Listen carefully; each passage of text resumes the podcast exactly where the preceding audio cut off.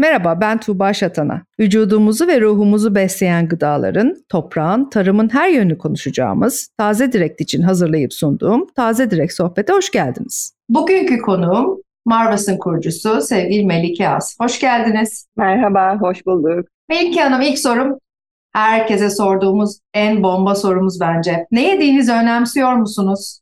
Evet elbette.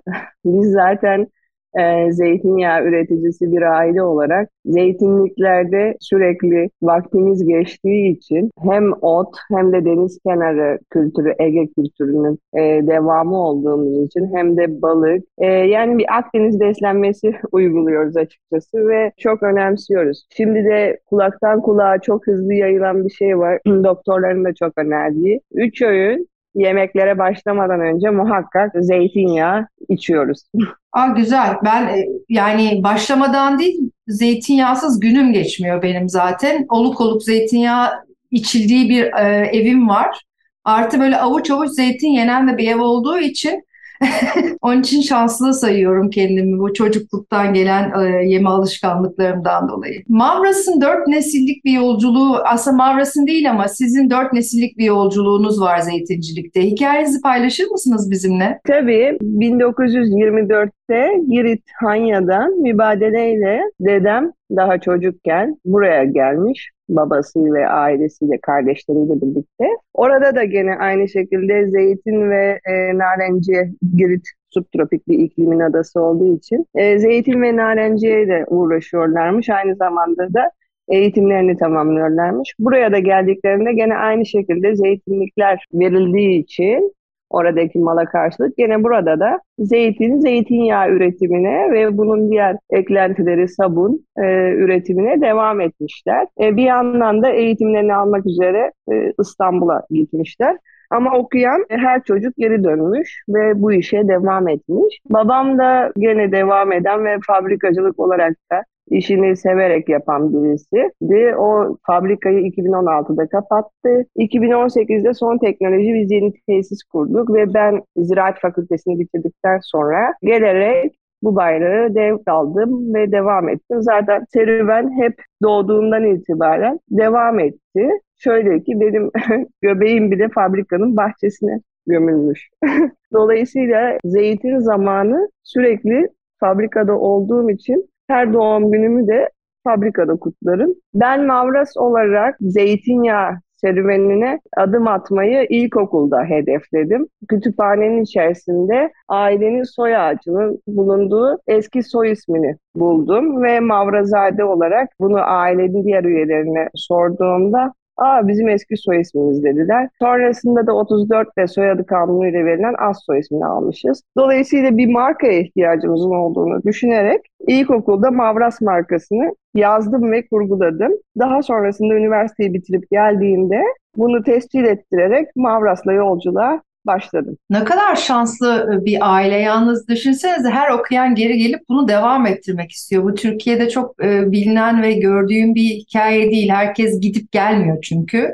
Ve bir şekilde ya ustalara kalıyor işler ya kalmıyor ya topraklar satılıyor. Çok çok güzel sizin hem de ilkokulda bunu yapmak isteyip kafanıza koyup bunu devam ettirmeniz. Soyadınız da çok güzelmiş Mavrazade bu arada.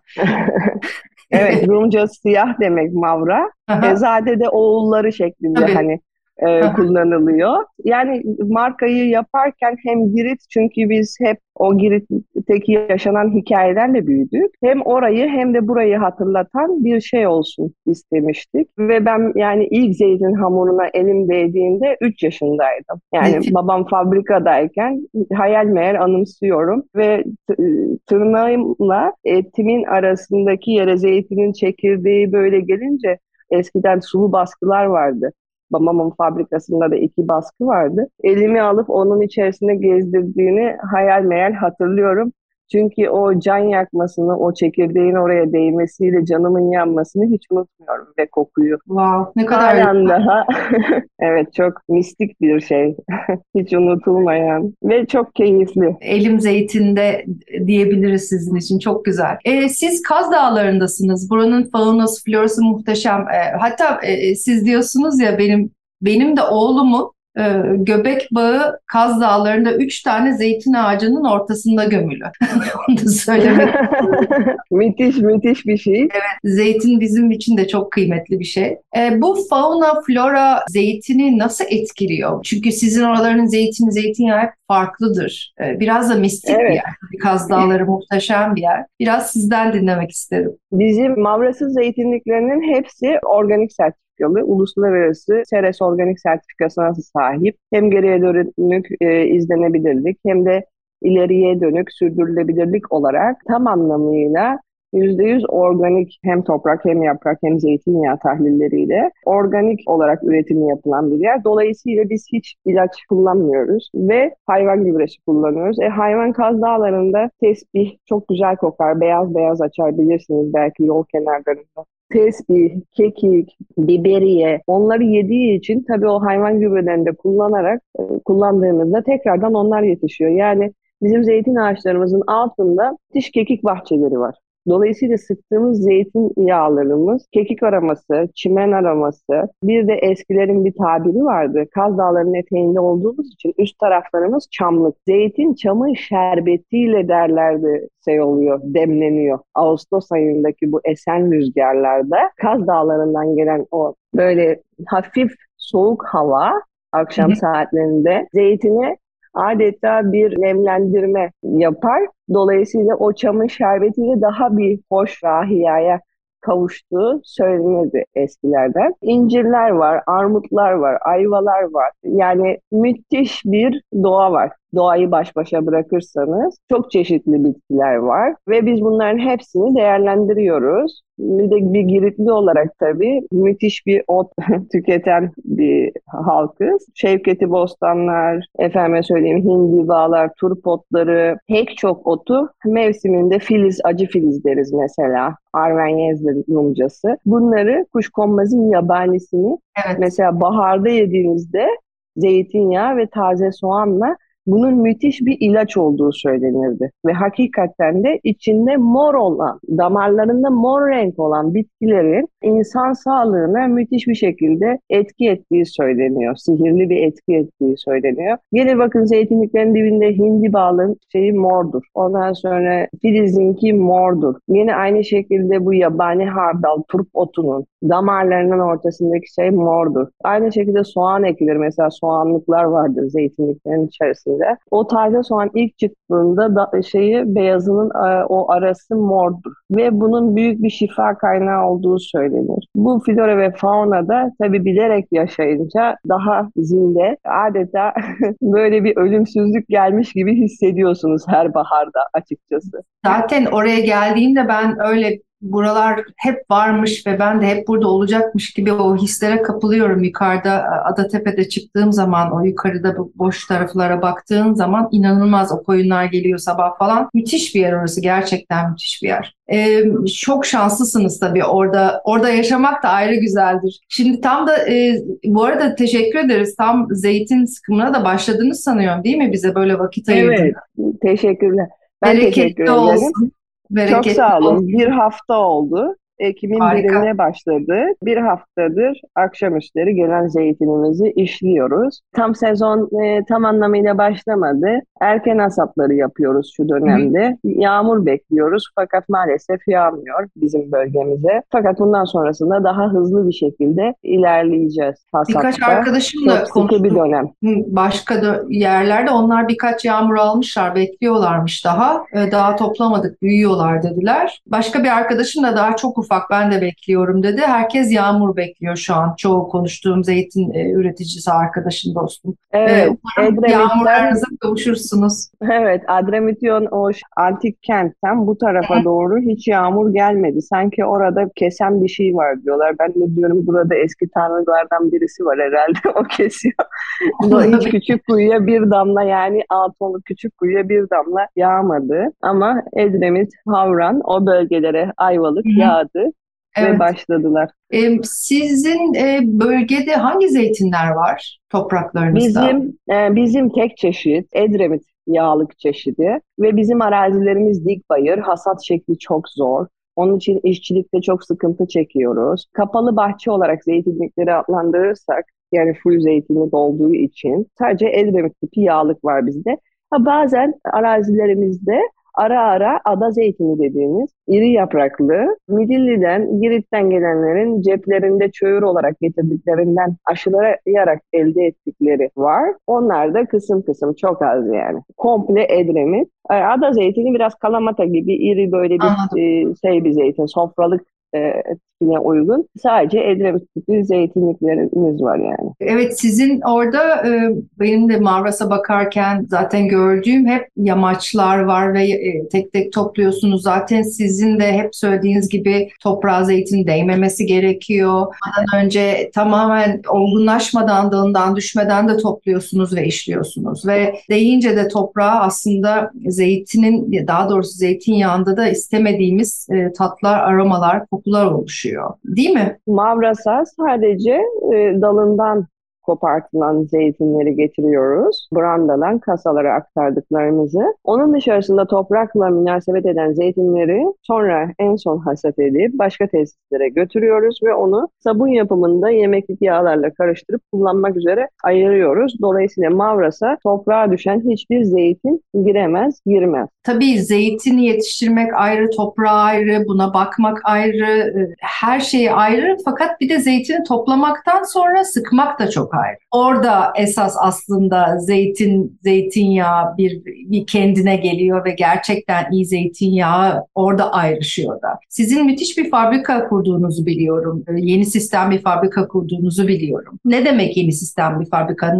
Ne fark var diğer fabrikalarla? Fabrikacılık bir defa %100 tecrübe ister, bilgi ister. Fabrikada gezerken motorların sesinden nerede ne olduğunu anlayabilmeniz gerekiyor. Bir de müthiş bir temizlik ister. O temizlikte herhangi bir noktayı atlarsanız, istediğiniz kadar güzel zeytin de getirseniz önceden kalan kalıntılar o yağda istemediğiniz kusurları oluşturur. Dolayısıyla Mavras'ta İtalyan sistem full kapalı, oksijensiz ve susuz bilgisayarlı otomasyonlu bir tesis kurduk. Bu tesisi kurmadan önce de yaklaşık 150-200 tane zeytinyağı fabrikası gezdik dünyada. 6 yıl boyunca araştırma yaptık. İtalya, İspanya, Yunanistan. Bütün buralardaki tesisleri gezdik. Altyapısından depolamasına kadar tüm bilgiyi benim de önceki babamın fabrikasında edinmiş olduklarımdan sonrasında da el değmeden zeytinyağı üretimini steril bir ortamda yapıyoruz. Her maldan sonra havayla tesisin içerisindeki makinelerin en ufak noktasına kadar temizliyoruz.